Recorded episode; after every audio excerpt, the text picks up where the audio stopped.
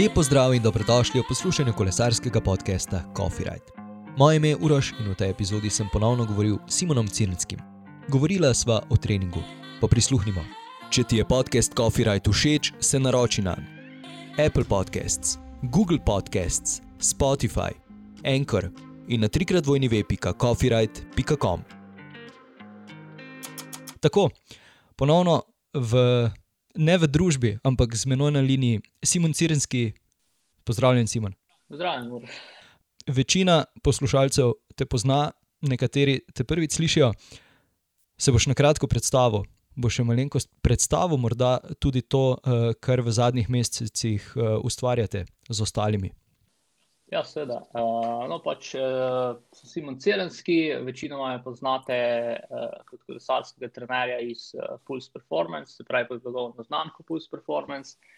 Uh, kot je že Uroš omenil, smo v zadnjih uh, nekaj mesecih v bistvu postavili uh, novo blagovno znamko in sicer Human Performance Center, ki v bistvu zajema predvsem. Uh, postavitev laboratorija za uh, testiranje športnikov. Trenutno se v bistvu uh, bolj specializiramo za vzdržljivostne športe, se pravi kolesarje, tekače uh, in podobno. Uh, en, del, en del laboratorija je tudi research, se pravi, da bomo delali kakšne študije, ki so dejansko praktično aplikativne v, v trenažni proces uh, športnikov. Uh, Ostal je pa še nekaj svetovanja, se pravi, v druge športe, v tenis, uh, pač, ne, plavanje in podobne stvari. Super. Kot v prejšnjih epizodah je glavna tema v bistvu trening. Medtem ko smo, seveda, mi že v tem predbožičnem času, so nekateri športniki, že, oziroma nekateri kolesari, predvsem, eh, začeli že na polno trenirati, se pripravljati na novo sezono. Pa me zanima, je kak na svet, kaj zdaj narediti, uh, da mogoče ne preobremenimo telesa s treningom, da si, da si mogoče ne škodujemo za, za nadaljni trening ali pa, ali pa nadaljne vožnje. Zdaj, ko so v bistvu, kot smo se prej pogovarjali, izven, uh, izven tega snemanja, da je porast uh, prodaje trenažerjev. Veliko jih morda naredi tudi to napako, da preveč časa na začetku tam preživi. No, v bistvu to je, to je tisti glavni nasvet, ki v bistvu pride prav v celi sezoni. Uh, ne pretiravati ne, čez svoje zmožnosti. Ja, tukaj smo se pogovarjali, trenutno je indoor cycling, se pravi kolesarjenje doma na trenažerjih, zdaj na omejitve, ki so zelo popularno. In um, tu moramo paziti predvsem na, na dve stvari prva stvar je to, da v bistvu ja, ne delamo preveč, da zaradi tega, ker smo pač noter in da mogoče čas ne mine tako hitro kot zunaj, da treninge, ki upravljamo, vseeno ne delamo preveč intenzivne. Druga stvar, ki je pa v bistvu še najbolj pomembna, noter je pa, da poskrbimo za uh, dobro ventilacijo in hlajenje telesa med, uh, med treningom. Um, pač, ker vemo, da velikokrat vidimo, kaj po socialnih omrežjih uh, kolesarjev, ki končajo trening in je, pač iz njih teče, je voda po tleh. In uh, v bistvu, če se nam to zgodi, pol delamo nekaj narobe. Ne. Uh, tako da pač ja, se pravi, dobra ventilacija, se ne se pravi, nek dober ventilator, uh, ki nas hladi, v bistvu takoj, ko začnemo kolesariti. Um, da se v bistvu da v bistvu dejansko že preprečimo na začetku, da se ne pregrevamo uh, in da še ne, ne vklopimo ventilatorja šele takrat, kar nam je že pol vroče in se potimo, ker smo že verjetno tukaj razgreti, da se potem tudi uh, ne ohladimo. In pa pač potem še hidracija, zadostne tekočine. Pa, ja, se pravi, že kot prvi ventilaciji pač pazimo, če imamo možnost, da imamo postavljeno trenažer in kolo v tišni bolj hladni sobi, zato da nismo nekje srednjevne sobe pri 25-26 stopinjah, uh, ker bo ne samo to, da bo v bistvu naš performance omejen uh, zaradi pač povišene tako telesne temperature, kot tudi uh, temperature okolja, na dolgi rok lahko to še kakšne druge težave. Kar, kar, kar. Okay. Postavil bom kar prvo vprašanje, ki je prišlo po pošti oziroma po e-mailu, kakorkoli. Torej, Tina je postavila vprašanje in sicer zanima me, kako je z napredkom, če med tednom treniraš po planu, torej dvakrat nizka intenzivnost, enkrat visoka intenzivnost nad svojim FTP-jem, za vikend pa prosto voziš daljše ture od 3 do 5 ur, ki so sestavljene iz veliko nizke in intenzitete in sive cone. Ob ponedeljkih je prost dan, in pa potem, kako je napredek okrnjen, če recimo dva dni ne slediš planu, oziroma ali se zato manj napreduje, kot če bi imel za vikend še recimo en trening z zelo nizko intenzivnostjo in enkrat intervalni trening. Ok, uh, zdaj upam, da, smo, da, da, da sem tudi jaz pravilno razumel, kaj pomeni, če, dva, če se dva dni ne držimo na črtu treninga. Se pravi, da se nam to zgodi občasno, da pač dva dni ne gre po planu. Seveda, v bistvu to nikakor ne bo vplivalo na napredek. Pač, ker, ko, ko govorimo o napredku v vzdržljivostnem športu, pač govorimo o adaptacijah, ki se dogajajo skozi neko daljše obdobje, se pravi, skozi tedne, mesece, leta. In se pravi, tudi dva dni, če se nam podreta, pa pač naredimo nekako drugače, kot je bilo prvotno zastavljeno, je čisto ok. In pač to se vsakmu športniku pač dogaja, da se pač daj pride do te točke, da, uh, da se mu plan podre, ker še en dan ne gre tako, kot je bilo zamišljeno. Um, in pač to je čisto ok. Tudi verjamem, da se tudi kakšnemu svetovnemu prvaku že to zgodilo in je pač še vedno postal svetovni prvak. In tudi v bistvu na tej točki, se pravi, če se nam to zgodi, da, vem, da nam dva, dva dneva ne gre ta po planu, bi pač rekel, da tudi ni smiselno pol plana naprej v bistvu takoj popravljati, ampak pač se držimo pač začrtnega plana, ki smo ga imeli potem naprej. Če pa pride do tega, da se nam podre plan za 7-10 dni, pa pa mogoče smiselno, da se recimo uh, načrt treninga popravi. Kako pa v bistvu z napredkom, če bi za vikend na mesto pač nekih prostih voženj, dodali pač en nizko intenziven, visoko intenziven trening. Zdaj lahko bi bilo dobro, lahko je slabo, pač to je čisto odvisno, se pravi, tudi od obdobja, Eh, v katerem se nahajamo, oziroma od uh, tega, kaj želimo, želimo s treningom doseči. Tudi se pravi, od tega volumna, ki ga delamo. Lahko bi imeli tudi, recimo, trikrat na teden visoko intenzivno vadbo, uh, pa pač pol za vikend, ne vem, mogoče samo en trening, ki je pač dolg, pa nizko intenziven. Tako da to je v bistvu lahko zelo specifično vprašanje, oziroma odgovor je lahko zelo, zelo specifičen in je odvisen od tega, kaj želimo. Ni pa nič narobe, se pravi, če pridemo do tega, da imamo en visoko intenziven trening med uh, tednom, pa potem še kdaj za vikend naredimo kakšno visoko intenzivnost. Ok, zdaj. Uh... Ko sem tole vprašanje prebral, in vse sem se spomnil tudi o tem, da smo že govorili, da je, če se nam seveda to zgodi, bolje potem izpustiti trening, kot pa recimo potem nadoknaditi izpuščen trening. Torej, da bi vem, na mesto tri dni visoke intenzivnosti v tednu imel naenkrat pet ali pa šest dni visoke intenzivnosti, s tem si pa lahko veliko bolj škoduješ, kot uh, pomagaš, seveda. Ne? Ja, seveda, če gre tu v bistvu zdaj za načrt treninga za nekoga, ki je recimo med tednom relativno omejen uh, z časom in se potem med tednom neki više intenzivni treningi, In če se nam zgodi, da pač spustimo en, dva treninga in potem potegnemo na tiste proste dni, ki pridejo kasneje, in pač polkrat naenkrat nastane ne, pet ali pa šest dni zapored treninga in vmes relativno visoko in intenzivno, uh, tisto pač lahko pride pač, uh, do pač težav. Um, tako da, ja, se pravi, če se nam zgodi, da en trening spustimo, bi osebno rekel, da če ni to res nek ključen trening ki smo ga pač čakali deset dni, zato da ga naredimo, uh, da pač spustimo in nadaljujemo s planom, tako da bi začrtan. Uh, če je pa res pač bil ti izključen trening in se nam zgodi, da ga spustimo, uh, je pa pač mogoče smiselno, da ga pol prestavimo oziroma ga pač naredimo v, v naslednjih dneh. Okay. Tina je v bistvu tudi nadaljevala s podprašanjem in sicer kako je s kombiniranjem drugih športov pri planiranju treninga za rekreativne kolesarje. Torej, naprimer rolanje. V zimskem času je zelo popularna hoja v hrib med kolesarji in pa tek na smočeh. Ja, seveda, v bistvu nek cross trening je, je zelo priporočljiv, oziroma sem tudi osebno pristaš tega pri rekreativnih kolesarjih in v bistvu tudi pri, pri uh, višjem rangu kolesarjev se to uh, kdaj dodaja. Sploh predvsem zdaj v bistvu v tem jesensko-zimskem času, ker ponekod razmere ne dopuščajo, pač, da bi kolesarili zunaj.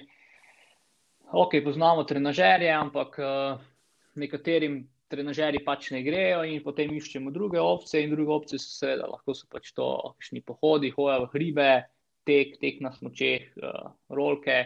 To v bistvu brez težav komponiramo pač v proces tako rekreativnega kolesarja, kot tudi uh, profesionalnega kolesarja. Tu v bistvu še vedno lahko potem v bistvu vzamemo določene um, aspekte kolesarskega treninga, se pravi, da se pač držimo znotraj nekih določenih intenzivnosti.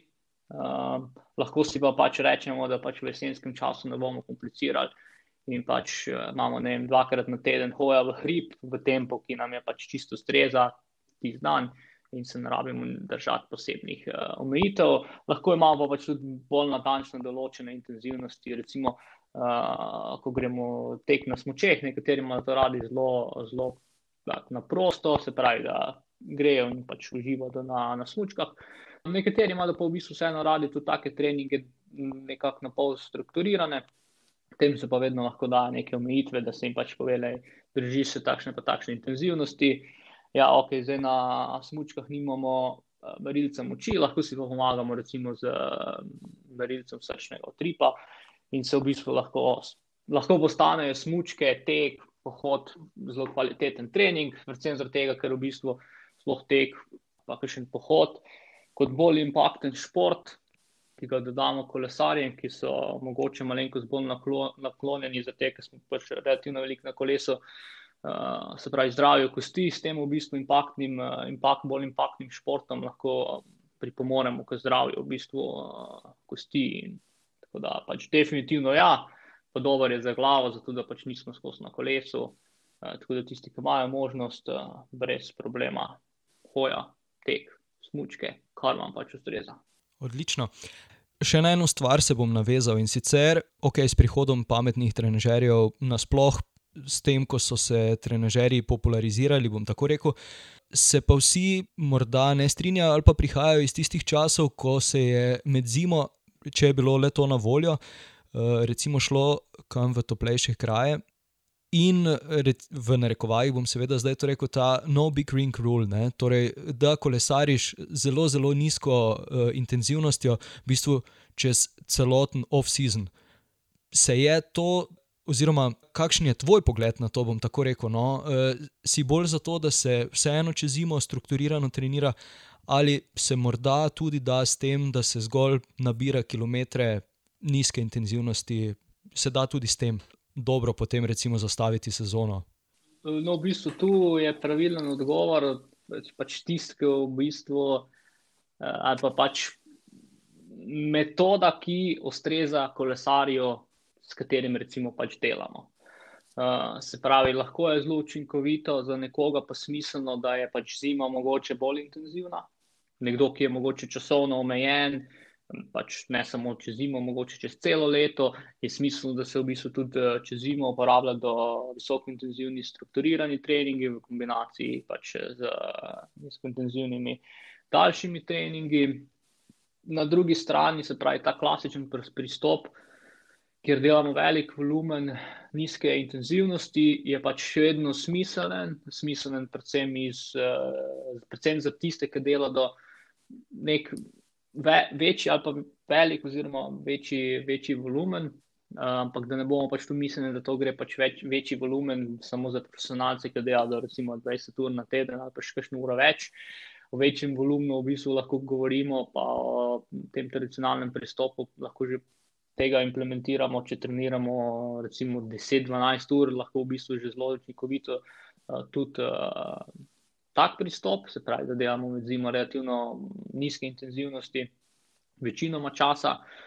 Uh, ampak tudi v bistvu v tem tradicionalnem pristopu je smiselno občasno dodati nekaj uh, visoke intenzivnosti, tako da ne gre v bistvu 100% za nizko intenziven trening. Uh, tako da, ja, v bistvu tu je, uh, tu je čisto odvisno, se pravi, tudi od tega, kako si zastavimo trenažni proces. Za ene je bolj učinkovito, zato da pač bolj intenzivno dela, da se pravi, tudi odvisno od ciljev, za ene pa pač, da dela do relativno nizko intenzivne treninge. Uh, tle časa vemo pa, da Če pogledamo neke rekreativne kolesarje, so to večinoma kolesari z, z, z službami, ki so v bistvu omejeni s časom. Taki ponavadi velikrat uh, raje vidijo, da ima trening mogoče krajši, strukturiran, kišno intenzivno še zraven, predvsem zato, ker um, mu lažje tudi ali pa hitreje mu mine tista ura, pa pol recimo na trenažerju, ker razlika tudi v bistvu v mentaliteti rekreativnega kolesarja, ki to dela bolj za užitek oziroma za neke osebne, osebne napredke, pa med profesionalnim kolesarjem je to, da profesionalnemu kolesarju lahko 5-7krat na teden napišemo, da greš pa 4 ure in mu rečeš full easy, recimo na, ne greš čez 70% svojega maksimalnega srčnega utripa in to je to. On bo pač to naredil, ker pač ve, da na njegovem nivoju je pač potrebno delati določeno količino treninga, ve, da pač ne sme pretiravati in to bo naredil. Zdaj, če bomo rekli nekemu nek rekreativnemu kolesarju, da mu bomo napisali za cel teden, ok, zdaj greš pa pač sedemkrat na teden za 4 ure, pa ne greš čez 70% maksimalnega srčnega utripa, uh, mislim, da mu ne bo najbolj ugajalo. Uh, tako da, ja, pač ful odvisno se pravi, kakšen je kolesar, kakšni so cilji kakšne imamo možnosti za treniranje. Super. Preden preberem zadnje vprašanje, ki, se, ki ga je zastavila poslušalka Nika, še mogoče samo to, ker se že v bistvu letos celo leto vračava na trenažerje, ki so bili tudi čez poletje zaradi vseh omejitev popularni. Populariziralo se je tudi tekmovanje na trenažerjih, pa mogoče še, še tvoj pogled ali pa kakšno opozorilo, ravno tisto, kar, sem, kar je bil na začetku pomislek, da se ne prekuriš, recimo čez, čez zimo. Ker ja, nekajkrat sem poskusil tekmovati, pa je to, eh, bom tako rekel, kar divje, divje liga. ja, v bistvu tako to relativno veliko lesarjev v začetku teh eh, zvift lig in podobno. Eh, pač povejo, da uh, po, eni, po eni dirki pa sem bil full, full zmatran, uh, utrujen. Pač seveda, se pravi, pač mi smo po sezoni naredili nekaj počitek in potem se v bistvu počasi vračamo v trening. Telo ni navajeno nekih velikih, pa visokih naporov, in uh, pol, ko gremo tako v dirkanje, se pač pozna, da, da nas take dirke kar dobro smatrajo. Tako da, ja, to je isto v bistvu kot na začetku, pač zdrava, mer, zdrava mera. Se pravi, samo dirkanje na zvihtu pač super. Pač tisti, ki imajo mogoče težave z motivacijo, da se zmotivirajo, da delajo neke treninge. In je recimo enkrat ali dvakrat tedensko kakšne dirke oziroma skupinske vožnje na zvištu pašejo in pač tako lažje odtrenirajo, da pač ja, super. Uh, se pravi, zdaj pa če govorimo o dirkanju, moramo pa gledati, kako se pravi dirkanje na cesti. Če vemo, da pač dirkamo dvakrat na teden uh, in rabimo full časa, da se spočijemo, pač potem ne smemo dirkati več kot dvakrat na teden. Zdaj, če vidimo, da nimamo težav, da lahko dirkamo cel teden. Se pravi, zdaj bo v 25. začne, se začne prva etapna dirka na, na RGT-ju. Se pravi, se bo sedem dni dirkalo. Ja, ok, pač se to je dirka, kot, kot da bi pač dirka zunaj. Sam pač moramo vedeti, da je mogoče smiselno priti malenkost bolj spočiti na tako dirko, pa da se v bistvu tudi potem, ko sedem dni dirkamo, vzamemo pač malenkost več počitka, da se, da se spočijemo. Uh, bo pa i tako letošnja sezona, verjetno malenkost kasnejša, kot pa so bile te sezone do zdaj. Tako da ni nič narobe, tudi če v bistvu mogoče kdo malenkost več trenira, pa se bo malenkost mogoče bolj utrujen, počuto, ker bo v bistvu relativno dolg časa za počitek, uh, preden se sezona začne in tudi verjetno potem za trening. Ampak vedno pač zdravo je na pameti, mislim, pač, uh, ne pretiravati dirka, če se da, super. Če pač uh, vidimo, da nas to ena dirka pokoplje za cel teden, je pa mogoče smiselno dirkati samo vsak drug teden. Razumljivo. Razumljivo. Okay. Zdaj bom prebral tole zadnje vprašanje. Upam, da je dovolj razumljivo. Torej, Nika pravi: e, Sicer vem, da je bil podcast objavljen že nekaj časa nazaj, pa vendar. V podkastu je Simon uporabnost formul pojasnil na primeru neke punce, ki je imela povprečni srčni utrip med 15-minutno dirko 114. In če se dobro spomnim, rekel, da tudi veliko nižji maksimalni srčni utrip, kot bi napovedala formula. Porodilo se mi je vprašanje, ki me sicer že dolgo zanima, tudi pri naših treningih. Torej, če imaš nižji srčni utrip, to v osnovi pomeni, da ti nek trening predstavlja lažjo intenzivnost. Na primeru dveh oseb iste starosti, če ima oseba ena med treningom ali na nekem testiranju povprečni srčni utrip naprimer 155 in ima maksimalni srčni utrip 198, oseba 2 pa med istim treningom povprečni srčni utrip 114, maksimalni pa 158. Ali to pomeni enostavno, da je oseba z manjšim povprečnim utripom, tudi manjšim maksimalnim, bolj natrenirana, oziroma je bo ta enak trening lažji, oseba, ki ima višji povprečni utrip, pa bo občutila ta trening kot težji. Zelo. okay, v bistvu tu samo en popravek, se pravi, tu je pač poslušalka na robe razumela v tistem podkastu. Se pravi, tu je šlo za kolesarko, ki je imela na 15-minutni dirki povprečen utrip uh, 214, ne 114. Se pravi, gre za kolesarko, ki ima izredno visok, uh, visok uh, maksimalni utrip, ki je pač dejansko 200, 220. Uh, in ja, pač v bistvu na 15-minutnem kriteriju v uh, Red Hook je pač med dosegla povprečni utrip uh, 214. Uh, in ja, v bistvu takrat smo primerjali ravno pač to kolesarko z eno drugo. Prej tale je imela maksimalni utrip 220, uh, se pravi, pri približno 25 letih, potem pa druga kolesarka, ki je imela pri 25 letih maksimalni utrip uh, samo 172. Zdaj pa gremo na del, kako, če je razlika v teži, oziroma če lahko v bistvu to primerjamo med, uh, med kolesarji. Zdaj, tako, absolutni srčni utrip nikakor ne moremo primerjati med različnimi, med različnimi uh, kolesarji. Recimo. Tudi v bistvu, če bi, imela, če bi imela isti maksimalni srčni utrip, uh, še ni nujno, da, da bi tudi po težavnosti v bistvu bil pač trening enak za oba dva, ker je lahko v bistvu razlika v srčni rezervi. Uh, oziroma, rečemo v tistem funkcionalnem razporedu srčnega utripa, recimo maksimalen minus minimalen srčni utrip, ki ga lahko imamo, se lahko razlikuje in se v bistvu potem čez um, spektr različnih intenzivnosti utrip drugače spremenja. To je ena stvar. Se pravi, v bistvu, da tu odgovorimo, recimo, če ima ena oseba nižji utrip kot druga, to pomeni, da trening za njo lažji, oziroma da je bolj trenirana, pač ne, ni nujno. Pač te, bi, če bi hoteli to primerjati, bi mogli v bistvu standardizirati. Pogledati, recimo, uh, na kakšen procentih je recimo average 114 prišel, uh, glede na average tistih 155, to bi pač lahko pogledali, standardizirali, glede na srčno rezervo. In če bi to skupaj prišlo na recimo 75% srčne rezerve, bi lahko rekli, okay, ta trening je bil podobno težak za oba. Čeprav pač en imel 155, drug pa 114 poprečen utrip. Tako da uh, tu pri primerjanju utripa moramo biti pač vedno pa pazljivi, da pač ne primerjamo teh absolutnih vrednosti. Seveda je pa v bistvu, pač, ko govorimo, da je tre, trening težji ali lažji, moramo uh, smiselno tudi podariti, da del treninga je v bistvu tudi občutanje napora, ki ga med treningom. Pač mi v bistvu občutimo, se pravi, kako težak se nam zdi trening. Lahko imamo pač dva identična človeka, se pravi, iste utripe, eh, tako pač maksimalni, minimalni, in recimo, da oba delata na istem utripu trening. Lahko da bo v bistvu en ocenil ta trening kot lahek, drugi pa ta trening ocenil kot težek. Se pravi, to je v bistvu občutenje, občutenje napora oziroma dojemanje treninga, ki je v bistvu tudi ena pomembna komponenta, ko delamo trening, ker veliko krat v bistvu tudi mi treninge uh, predpisujemo glede na občutek. Se pravi, imamo z lestvico od 1 do 10 in pač rečemo kolesarju, če gre za to neke nespecifične, recimo nizkointenzivne vožnje, rečemo, ok, danes se greš pa za 4 ure pelati in pač gledaš, da je ta težavnost, se pravi, da je ena od deset, nekje recimo dva ali pa tri. Ne rabiš gledati sploh števce, ne rabiš druga, ampak se pač po občutku voziš to noter.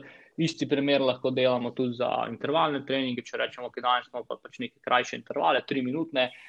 Hočemo, da ti je tvoja težavnost, ne vem, 9 pa 10, se pravi, pač nek zelo visoko intenziven napor. In pač kolesar to dela, in mi šele kasneje, ko on to dela, potem pogledamo, kaj se je dogajalo z močjo in z utripom. Ker se veliko krat zgodi, da v bistvu tudi sama glava, pa pač psihološko stanje eh, športnika vpliva na to, kakšne številke v bistvu na koncu sproduciramo. Pač nekateri kolesari se številkami fully obremenjujejo in pa mu napišeš, ok, zdaj moraš narediti interval pa 300 vatih. In ok, danes pa ne moremo obračati 300 vatov. In če mu vse skupaj dol pade in v bistvu ne naredi treninga. In po takih kolesarjih smo videli, če jih v bistvu, če jim rečemo tako, pač zavežemo pač oči, da ne more dogledati, da jim rečemo, ok, na števcu si postaviš samo čas, delamo intervale, delaš jih na občutek, naredi trening in je pol, oh, wow, danes sem pa pač full dobre številke delal. Ja, seveda, zato ker se nisi obremenjeval, nisi imel v glavi samo tiste številke, ampak si v bistvu pač bil skoncentriran, pa si pač naredil trening. Tako da to je v bistvu zelo pomembno, ko pač govorimo, kako je težek ali pa lahek trening. Kar se tiče pa fizioloških adaptacij, pa pač isto se pravi, če hočemo primerjati ali bi nek trening pač spodbujal druge adaptacije, glede na to, če sta si bila tripa različna, uh, je pač čisto odvisno. Se pravi, pač, če ne standardiziramo oziroma primerjamo vrednosti uh, po absolutnih številkah, ne moremo primerjati in uh, bomo pač verjetno na koncu tudi napačen zaključek naredili. Super. Uh, Nika in Tina, upam, da je Simon odgovoril na vajeno vprašanje, oziroma da vam je razjasnil stvari. Vsi ostali ste seveda vabljeni, da postavite vaše vprašanje, morda se tudi kateri od fantov oziroma moških v pogumi na coffeered.com pošiljnica vprašaj, vprašaj, kakorkoli. Simon, je med poletjem bil kakšen nov coffeered ali pa morda kakšna ideja za leto 2021, eh, kam si želiš iti, kakšno traso bi odpeljal? Ven iz občine, ven iz občine. ta, bi, ta bi bila uh, verjetno najbolj zaželen raj. Uh, kakšno novo traso? Uh, pa niti ne eno. Uh, nič, nič, pos, nič, pose, nič posebnega. Uh, važno, da, pač, da gremo lahko na kofi raj in pač, kjer pač na kofi raj dejansko dobimo kavo. To je pač tisti tisti cilj, želja, uh, ni pa niti tako pomembno, niti tako pomembno, kam gremo. Res je, to je, to je sedaj, verjamem, da želja vsakega od nas. Simon, še enkrat ti najlepša hvala in se slišiva prihodnjič, kaj ne? Ja, zmenjeno. Super. Simonu, še enkrat najlepša hvala, da si vzel čas za pogovor. Mi se ponovno slišimo prihodnji petek. Če želiš Coffee podpreti, odklikaj na www.coffeeride.com pošiljka Coffee Shop.